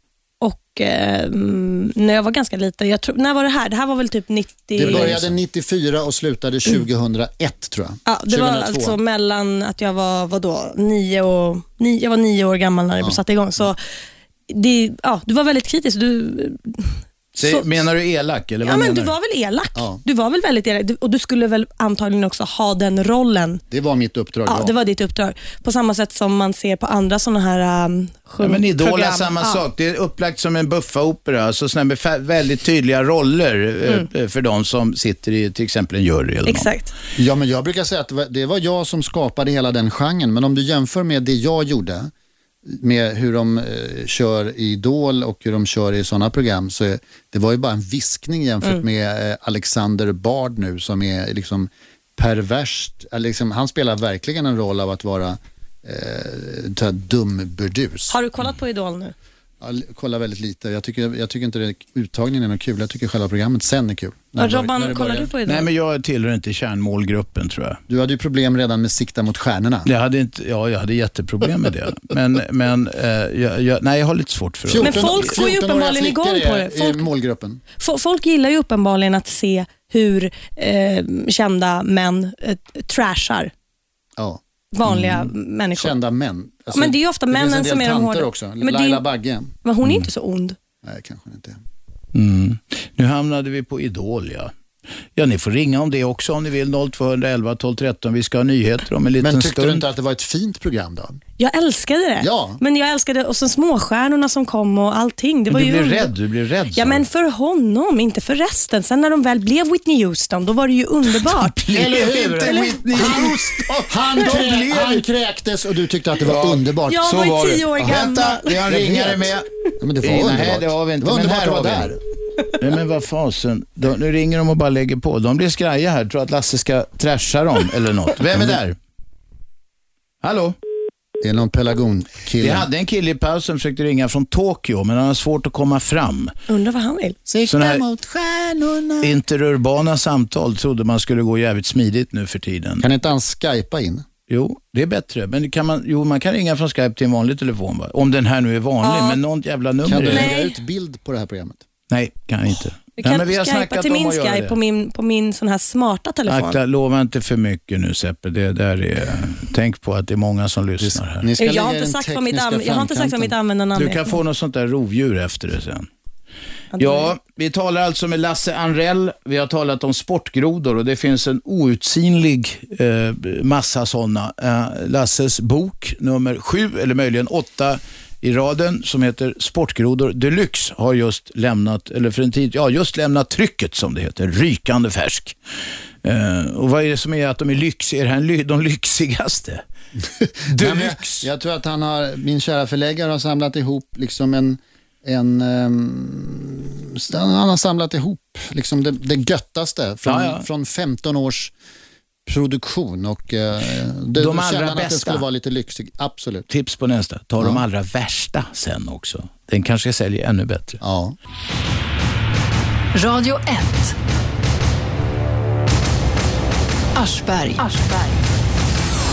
Måndag till fredag 10-12 på 101,9 eller via radio1.se eller telefonappen som är gratis. Bara att ladda ner om ni har modern telefon. Lasse Anrell, Aftonbladets sportkrönikör, sitter i studion. Vi har diskuterat sportgrodor, vi har diskuterat eh, pelargoner, vi har diskuterat sikta mot stjärnorna. En gammal försyndelse som Ja. Lasse vägrar eh, göra avbön för. Absolut. Eh, ja. Jag är stolt över det och det var dessutom ett av de absolut roligaste jobb jag har gjort i hela mitt liv av alla dessa jobb jag har gjort. Okej. Ska vi ta lite grann om sportjournalistiken och språket där. Vi var inne på det lite grann med det här, alltså man skruvar upp förväntningar. Du sa själv att eh, i er bransch så bidrar man lite grann till det. Ikväll tar vi dem och det blir en munsbit och Ja. sådär. Och så blir besvikelsen lika stor som förväntningarna har varit när det inte funkar riktigt som, eh, som, eh, som planerat. Eh, det och jäven, alltså krigsrubrikerna, krigsstilarna som det heter, med feta braskande rubriker på grejer som kanske inte är på liv och död egentligen. Det finns ju, det, det lever ett eget liv. Ja, men de braskande rubrikerna är ju kvällstidningens hela affärsidé. Vi skapar ju ett världskrig varje dag och det måste vi göra även i den rosa lilla sportbilagan. Och då, då, annars är det ingen som köper den här tidningen. Så det tycker jag, det, det, det eh, kan man lätt hacka i sig tycker jag. Eh, däremot så, eh, det här att, att, att man att säger att man ska vinna lätt som en plätt. Eh, Skrattmatcher var väl det första som, när det här drog iväg. Vad betyder det? Alltså, Skrattmatcher, det här blir så lätt så att Ah, okej. eh, det, vi kommer att skratta hela vägen fram till segern. Mm. Och det blir det ju aldrig, särskilt inte när man går ut på det där sättet. Eh, Sverige, har- eh, fotbollslandslaget har ju spelat ett antal matcher som skulle vara skrattmatcher. Det var till och med en skrattmatch när vi skulle möta Holland i kvalet i våras. Eh, Men så inte det- är inte det ett bra fotbollslag? Ja, det är ett jättebra Ja, ett av fotbollslag. världens bästa, är det inte ja, så? Ja, absolut. Så det är medierna som inte har någon självinsikt? Eller no- Ja, jag vet inte varför, varför det har blivit så här att det ska hetsas upp i förväg eh, när man ju ändå vet att, att, det, att det inte blir så. Det var likadant i hockey-VM när vi skulle köra över Finland i finalen men det blir ju faktiskt inte så. Det var ju Holland som körde över Sverige i fotboll. Det var Finland som förnedrade Sverige i hockey. Jag, är det för att folk ska kolla på matcherna? Är det kanske därför? Ja, eller också är det redaktörer som ska roa sig själv med att göra de här roliga grejerna och eh, Det fanns det en drar tid- iväg i huvudet på folk. Det fanns en tid när jag jobbade på, jag, jag jobbade på Expressen i många år. Det var väl mitt universitet. Sen har jag varit medarbetare i Aftonbladet sen dess i princip. Men Det är din folkhögskola. det är min folk, det är min, det är min, eh, min jag doktorerar så att säga på Aftonbladet. Men Eh, den sexistiska tonen, de unkna värderingarna som du var inne på förut. Jag kommer ihåg en, en rubrik som jag i ungdomligt oförstånd uppskattade väldigt mycket då. Det var nämligen Formel 1 och så fanns det en, eh, en förare som hette Lafitte. Och han höll på att krocka och då kom den här rubriken, det var på håret Lafitte. Alltså den sortens rubriker excellerade redigerarna, det vill säga de som ritar sidorna och sätter rubrikerna. De excellerade i sånt på den tiden. Har detta minskat eller ökat? Jag är ingen trogen läsare. Jag kan säga, jag kan lugna dig med att det har inte minskat. Det är lika mycket sexistiska rubriker fortfarande. Det finns en känd kvinnlig orienterare som heter, hon är tysk, i alla fall germansk och hon heter Simone Lo- Germansk? Ja, men hon är från något av de där länderna Ja, ja. i Mellaneuropa. Okej, jag är inte hundra på att hon är tysk. Simone Loder heter hon. Lu- Loder stavas luder. Okej. Och detta föranleder eh, ohyggligt mycket skämtlynne från eh, rubriksättare, till och med på text-tv där eh, mm, ja, det är allting att luder är bäst i skogen och hej och det, är- det är så kul. Mm, mm. Eller inte. Eller inte. Eller så sitter det bara i jag skrattar väl betraktarens inte så huvud. jätte, jättemycket. Nej, jag skrattar mer egentligen, om jag ska säga, för att det är ju inte så jävla rolig rubrik. Eller det ligger ju lite för nära till hands, men jag skrattar lite åt när man ser de här spelevinkarna som har suttit där och gillat och hetsat varann på natten när de ska sätta de här rubrikerna. 0211 12 13 ringer ni om ni vill diskutera sportfrågor, pelargoner eller annat med Lasse Anrell som är en eh, bitvis elak eh, sportkrönikör i Aftonbladet. Bitvis elakt och skrattade. Det var kanske är Ja, en kompromiss vi, kan väl, vi kan väl glädja våra eh, ly- lyssnare med att berätta eh, vad, vi, vad jag pratade om i, i pausen. Eller Ja, vi pratade om ja. att på 80-talet så var du, Robert och jag, Lasse, kända som de kanske två elakaste människorna i, i mediebranschen. Jag i, i Aftonbladet och sikt, sen Sikta mot stjärnorna på 90-talet och du i, i ditt eget program. TV3 ja. Ja, och nu är vi ju nästan ofattbart mesiga. Ja, Blödiga är- farbröder. Ja, det är en, tycker jag är en trevlig utveckling. Det är inte roligt att vara elak. Nej, inte, inte som eh, enda affärsidé i hela livet. Det måste finnas, men elakhet, det finns, det här kan man diskutera ganska seriöst. Man kan vara elak och tuff och rak och rätt fram eller till och med eh, så att säga banka på någon, jag menar inte fysiskt, ganska hårt. Eh, Men det måste finnas ett stänk av värme i detta. Och om man nu säger att man börjar sakna det lite grann, är det för att man är, håller på att bli en blödig gubbe? Jag börjar grina jämt när det kommer fioler på tv. Eh, eller är det, är det att världen har blivit hårdare? Jag vet inte. Om ni har synpunkter även på detta så ringer ni 0200 11 12 13. Ja, nu måste någon ringa, det var länge Jag tror sedan. att världen Ja. har blivit hårdare. Jag, jag känner att det är en stor skillnad. Säger Cipride. Ålder, ålder? 26. Ålder 26. Och Då har du upplevt detta i, ska vi säga, mera medvetet kanske? en- 20 år. Ja, kanske en eh, 15 år då. Sen du var rädd för mig i Sikta mot stjärnorna. Sen jag var rädd för dig har jag upplevt... Hur yttrar sig denna hårdhet då, Cipride? Nej men det är... Um, jargongen är ju på ett helt annat sätt. Är den inte det? Är den inte liksom... Jo, jag tycker det. Jag tycker du har rätt. Alltså generellt hur man snackar om saker och ting, hur snabbt det går fram och tillbaka. Det är armbågarna och det är accepterat på ett annat sätt. Och 90-talisten ska vara som den ska vara. 80 Ni vet, alltså att man, man accepterar det här. Du, var det inte, det här kan du, det var en målvakt som släppte in en puck i ishockey som blev utnämnd till, med de här krigsstilarna, landsförrädare. Mm, är det tio men år sedan eller något? Det, det var eh, Salt Lake City, vilket väl har varit 2002, eller nej 2006 var det. Ja. Eh, ja, landsförrädare blev han uthängd till i ditt universitet, Expressen. Jag eh, som skrev krönikan i Aftonbladet hade inte den vinkeln. Det var rätt starkt de hade, alltså, de hade hela laget och, och rubriken var Det svek sitt land. Eh, så, så en, det är ju ett korkat och endimensionellt sätt att se på sport. Man kan göra sitt bästa och ändå förlora, anser jag. Vem är med på telefon? Ja, det är bara Erik. Jag måste rätta lite där. Det var 2002, inte 2006. Ja, uppmärksam lyssnare. Vi tackar för detta. Tack. Var det det hela? Tack. Vem är där? Ja, det var Rickard här. Rickard, tala till oss. Skruva ner radion och tala till oss. Jag tycker att det har blivit betydligt hårdare i samhället. Jag är 44 år då, så jag har varit med ett tag då. då. Mm, du har varit med några bast som det heter, ja.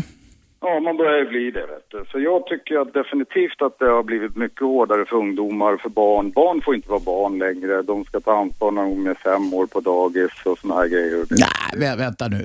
Ta ansvar när de är fem år på dagis. Det, nu, du, nu får du komma med en skräckhistoria så vi begriper. Nej, men de har, de har alltså, de ska lära sig ta ansvar. De, det är läroplanen, den säger så att eh, barnen ska lära sig. Men är det inte bra att barn lär sig ta ansvar från tidig ålder? Men de blir vuxna så fort. De får inte vara barn längre. Tittar du på, på tioåriga tjejer idag så går de klädd som fotomodeller, förstår du? De ser ut som 15. Mm. Förstår du? Det, det, det, det går lite, men det är hela samhället. Så det är ingen, eh, det är inte det. Det går ju bara fortare, och fortare, fortare, fortare. Men det var som en sa till mig, han sa så här. De, de snackar om att eh, azteken och det här, tiden tar slut och det. Men grejen är att jordens undergång och det. Men han sa det att det blir en annan tidsepok. Så vi kommer, att tiden kommer att börja gå sakta. Vä vänta nu, nu får vi bena upp ditt resonemang. Aztekerna, det var alltså ett, ett, ett, ett eh, im- imperium, en stor, jättestor avancerad kultur som gick under. Ja, de säger 2012 så ska det ju komma det här domedagen. Tiden tar slut. Vänta nu, vem säger det? Jo, men det är 2012 den 20 12, eh, vad är det, 26 december eller något sånt där. Jaha, jag har inte hört talas om det. Men, men eh, Ja, inka, inka-indianerna där nere. Jaha, det är utifrån deras. Det konstiga är att det alltid stämmer någonting med tideräkning och tideräkning är ju en ganska sen uppfinning. Men det stämmer alltid med den nuvarande gregorianska tideräkningen eller vad det är. Eh, det, det, då, Inka, indianerna hade ju en helt annan tideräkning.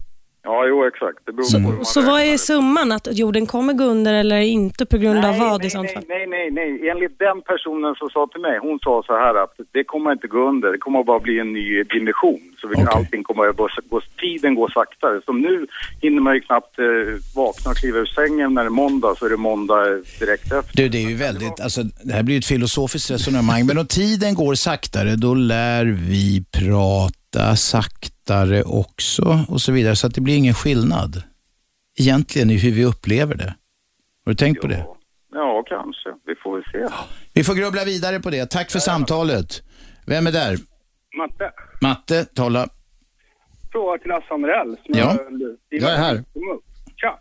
Eh, I alla fall, du som sportjournalist, du kommer ju ihåg det här, det var, jag tror det kom direkt ifrån Tennisförbundet, det här med kvinnors klädsel inom damtennis. Ja. Eh, just med sex, sexistiska vet, eh, jargonger och liknande. De lyssnare som inte hänger med, till exempel jag, vad var det det gick ut på? Skulle de ha, du fick inte ha byxor, skulle de ha kjol, vad var det? Något Det var badminton va? Ja, de var tvungna att ha kjol. Okej. Badminton och inte tennis var det. Förlåt? Det var badminton, inte tennis. Uh, Okej, ja, ja. Kör på. Jag för mig- att det var tennis, men ändå. Mm. Liksom det, det, kom fram, liksom, det kom fram till att tankegången är att man ska titta på badminton eller att man ska titta på eh, damer i ja, sexiga kläder. Lite grann sånt här. Det där var ju från förbundet. Ja. ja. Och eh, ja, hur gick det- jargongen, över- eller hur gick tankarna på när det där kom upp som nyhet? Undrar jag lite grann. Ah, varför, du menar varför, varför det blev en nyhet i tidningarna? Nej, men nej, jag undrar lite grann så här. Eh, funderar man inte lite grann över, är det sporten vi är ute efter att titta på eller är det sexiga tjejer eller what's the point? Alltså jag tror att förbundet, det, det var det internationella badmintonförbundet, jag tror att de var ute efter att de, är, de är en sport som inte en människa i hela världen bryr sig om att titta på nästan, bortsett från några länder, kanske Indonesien och så. De vill bli som damtennisen, eh, som, som, eh, eller friidrotten som har mycket publik. Och eh, Då ville de bli sexigare. Så tänkte de tror jag. Och, eh, sen förstod de inte att de förelämpade alla de här brudarna som håller på med badminton och, och har kortbyxor eller vad det nu kallas, shorts. Eh, det, det, har ju varit snack om att man ska, eh, damfotbollen också ska sexa till sig och att man ska ha kjolar. Eh, men, men det- är ju fel tänkt. Det är ju att förelämpa duktiga idrottsmän. Man får hitta på, det måste, alltså om tjejer ska klä sig på ett annat sätt så måste det komma från tjejerna själva. Ja, okej. Ja, Det var bara en tanke. Jag bara undrar hur, hur resonemanget gick på tidningarna nämligen. Tidningarna, vi, vi, alla tidningar skrev att, att, Att det var Badmintonförbundet var idioter. I alla fall jag. Jag tror det var en ganska enig kör. Till och med jag kommer ihåg det där bråket. Ja, i våras var det. Tack Matte. Vem är där? Ja, Niklas här. Niklas? Jag var bara passa på när Lasse Andrell var i radion här. Eh, först bara jättekort. Volleybollförbundet införde väl det där för 5-10 år sedan också i, på dam, högst på damserien. Att de skulle ha något konstigare eller åtsittande byxor. Var det så? Jag har något svagt minne av det. Jag vet inte om det blev någon succé. Jag kommer inte ihåg det. Det är inte så extremt intressant sport oavsett vem som spelar. Det är roligt att spela dock, säger jag som... På som, stranden. Ja, det är det för att man kan kasta sig utan att slå sig på stranden. Fast man får ont i handleder och allt annat. Jag vet. Jag håller med. En annan kort fråga till Lasse Andrell, om det nu inte går bort, kanske går bort från ämnet, då får du avbryta mig Robert. Eh, jag måste bara fråga dig Lasse, SM-finalserien 1998 mellan Djurgården och Färjestad var det väl? Ja. Ja, alltså jag kommer Jag minns den mycket väl. Jag minns den som igår. Ja. Därför vill jag bara höra, för att jag minns att jag var inne på ett massa olika DIF-forum, jag är djurgårdare då, då. Och det var en otroligt stor irritation, varför vet jag inte, från Djurgårdshåll mot dig. Har du något minne av att du var impopulär just då? Ja, jag minns att jag var populär just då, men jag har å andra sidan varit ganska impopulär eh, bland alla Stockholmslagens supportrar i alla tider, även eh, bland Hammarby-supportrar. Så det där är ingen, det var, det var inte något unikt, men det var väldigt mycket just det då. Jag kommer till och med ihåg att, eh, ja, fortsätt. Ah, nej, vad, vad skulle du säga? Du kommer ihåg att Ja, jag skulle säga att det var till och med en uppvaktning på Aftonbladet eh, från, supporterkretsar. Alltså man, man var så arga på mig, eh, ett, ett, rätt många djurgårdare, så att man ville att jag skulle få sparken. Vad hade du gjort? Jag hade skrivit, ja, ja, ja, som jag minns det så skrev jag väl att, att Djurgården inte var så bra. Jag tror att det räckte. Eh, och Sen skrev jag väl att Färjestad var, var bra. Eh, men det var i alla fall, alltså det, skulle vara, det var en uppvaktning. Färjestad kan jag berätta spelar ett lag, hockeylag från Karlstad. Och så var, då, då skickade de en massa mejl till mig och andra och sa hur ska vi kunna få avsätta Lasse Anrell? Och då så sa svarade jag så här, det finns bara en som, det finns bara två människor som kan avsätta mig. Det är Aftonbladets chefredaktörer. Ni får väl säga till dem då. Så kom det en uppvaktning. Ett, ett gäng rätt hårdföra djurgårdare kom upp på redaktionen. Jag var där då och tog emot dem. Och, eh, som av en händelse stod jag i receptionen och sa den som kan avsätta mig det är Aftonbladets chefredaktörer. Ni får gå in till dem där inne. De sitter där. Den ena heter Rolf Alsing, den andra heter Anders Gerdin. Eh, Rolf Alsing är från Karlstad, Anders Gerdin är från Munkfors. Lycka till. Hade de en petition med sig? Ja, de tyckte inte att jag var någon rolig i alla fall. Ah, förlåt, men vad skulle du säga om det här 98? Vad, kommer du ihåg varför, varför de var arga på mig? Nej. Eller varför bara- ni? Nej, för, för, de, all- för lyssnarna då, Munkfors, det var ju där Pelle Pressberg kom ifrån. Han Yes. var ju största stjärnan. Håkan, på den tiden Håkan Looks arvtagare. Nu är det minnenas allé här ja. Ja, en av de största, mest underskattade svenska hockeyspelarna förut. Jag förstår varför han inte, jag kan aldrig fatta varför han inte kom till NHL. Men jag måste bara säga att man mådde fruktansvärt dåligt efter femte avgörande finalen och Greger Atterssons skott från blå där. Mellan benen på Tommy Söderström. Hallå? Nej, nu bröts det. Det var Kom inte jag. Det var inte jag som... Avsluta det där. Det här vill vi höra slutet på. Ja, vi tar en annan ringare så länge. Du som... Nej, där var det ingen som orkar vänta. Det var Gud. Du som ringde om det här skottet mellan benen eller vad fan? Ja, vi vill avsluta det. Ja, vi vill Tommy. avsluta. Ska se. Är du med?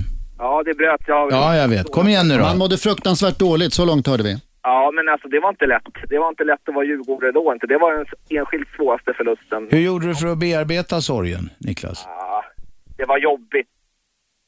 Morgon. Livet måste gå vidare. Det tuffa situationer. Du kände så, du talade Men så med dig apropå, själv. apropå partiska eller opartiska sportjournalister. Efter det målet så reste sig Svenska Dagbladets reporter upp, illröd i ansiktet och rusade från pressläktaren och skrek “jävla bönder”. Ja, det är känslostormar. Så att eh, Niklas, det har går du tufft kommit- till även på pressläktaren. Niklas, har du kommit över det här nu? Kan du leva som vanligt? Vi har ju tagit några guld sedan dess. Så att, eh, så det är, men alltså den finalen måste vara en ganska het final om man står ser ett större perspektiv.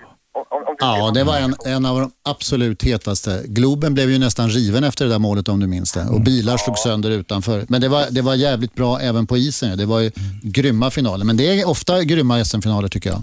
Ja, är det. Okej, jag tackar för... Niklas, tack själv. Vem är med? Ja, hej det här är Abdelmesih. Jag vill fråga Lasse Andrell. Lasse, en sport som ni svenska sportjournalister skiter högaktningsfullt i, trots att ni svenskar har världens bästa resurs och det är svensk damtennis.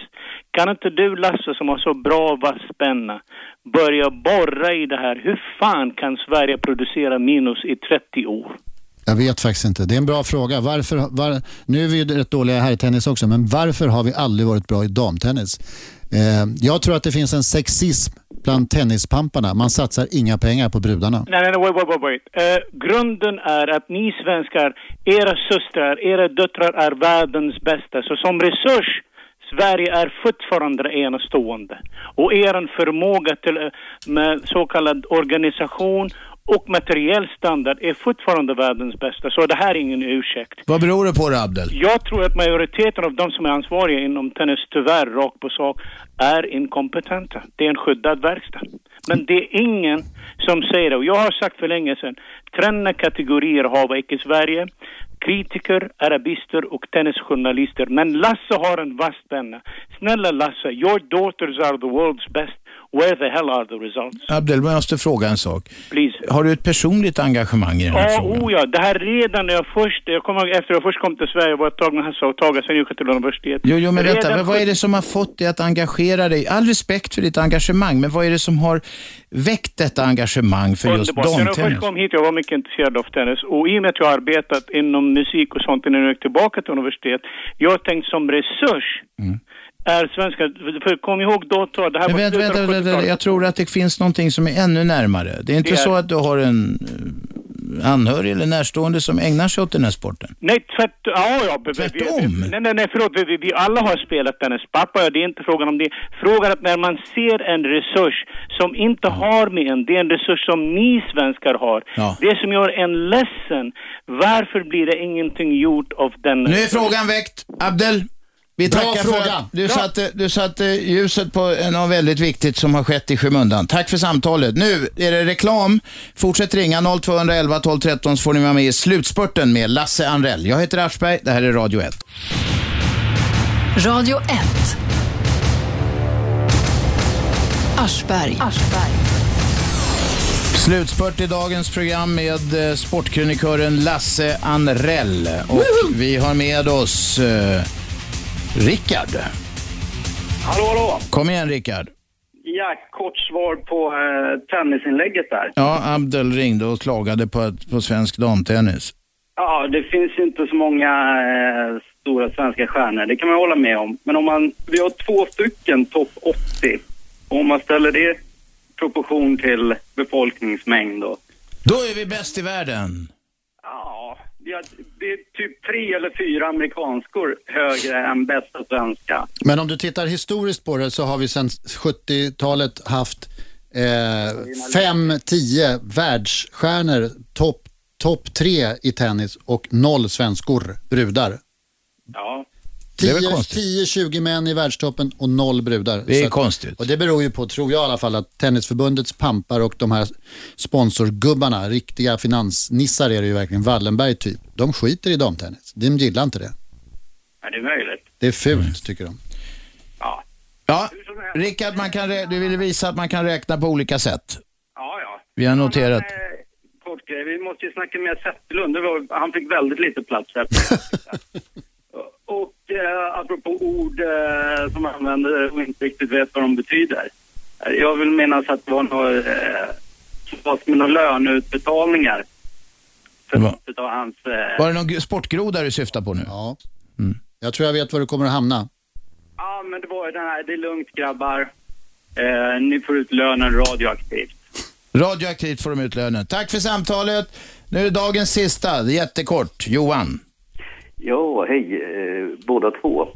Hej. Min eh, fråga rör pelargoner. Ja. Jag vänder mig alltså till... Eh, Raska taskar nu, det är inte mycket tid kvar. nej, okej. Engelsk pelargon som inte blommar om. Vad är det för fel? Varför? Varför?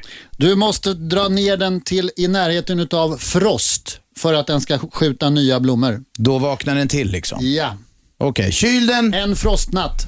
Den ska tåla en frostnatt och då blir det fart på den. Tack för Ja. samtalet. Lasse Anrell, tack för att du kom hit. Eh, tack kära lyssnare för att ni var med oss. Eh, vi är tillbaka imorgon klockan 10 som vanligt. Och nu kommer Kinmark och Lissol och ställer till det med sportvärlden. Hej så länge. Hej, hej. 101,9 Radio 1. Sveriges nya pratradio.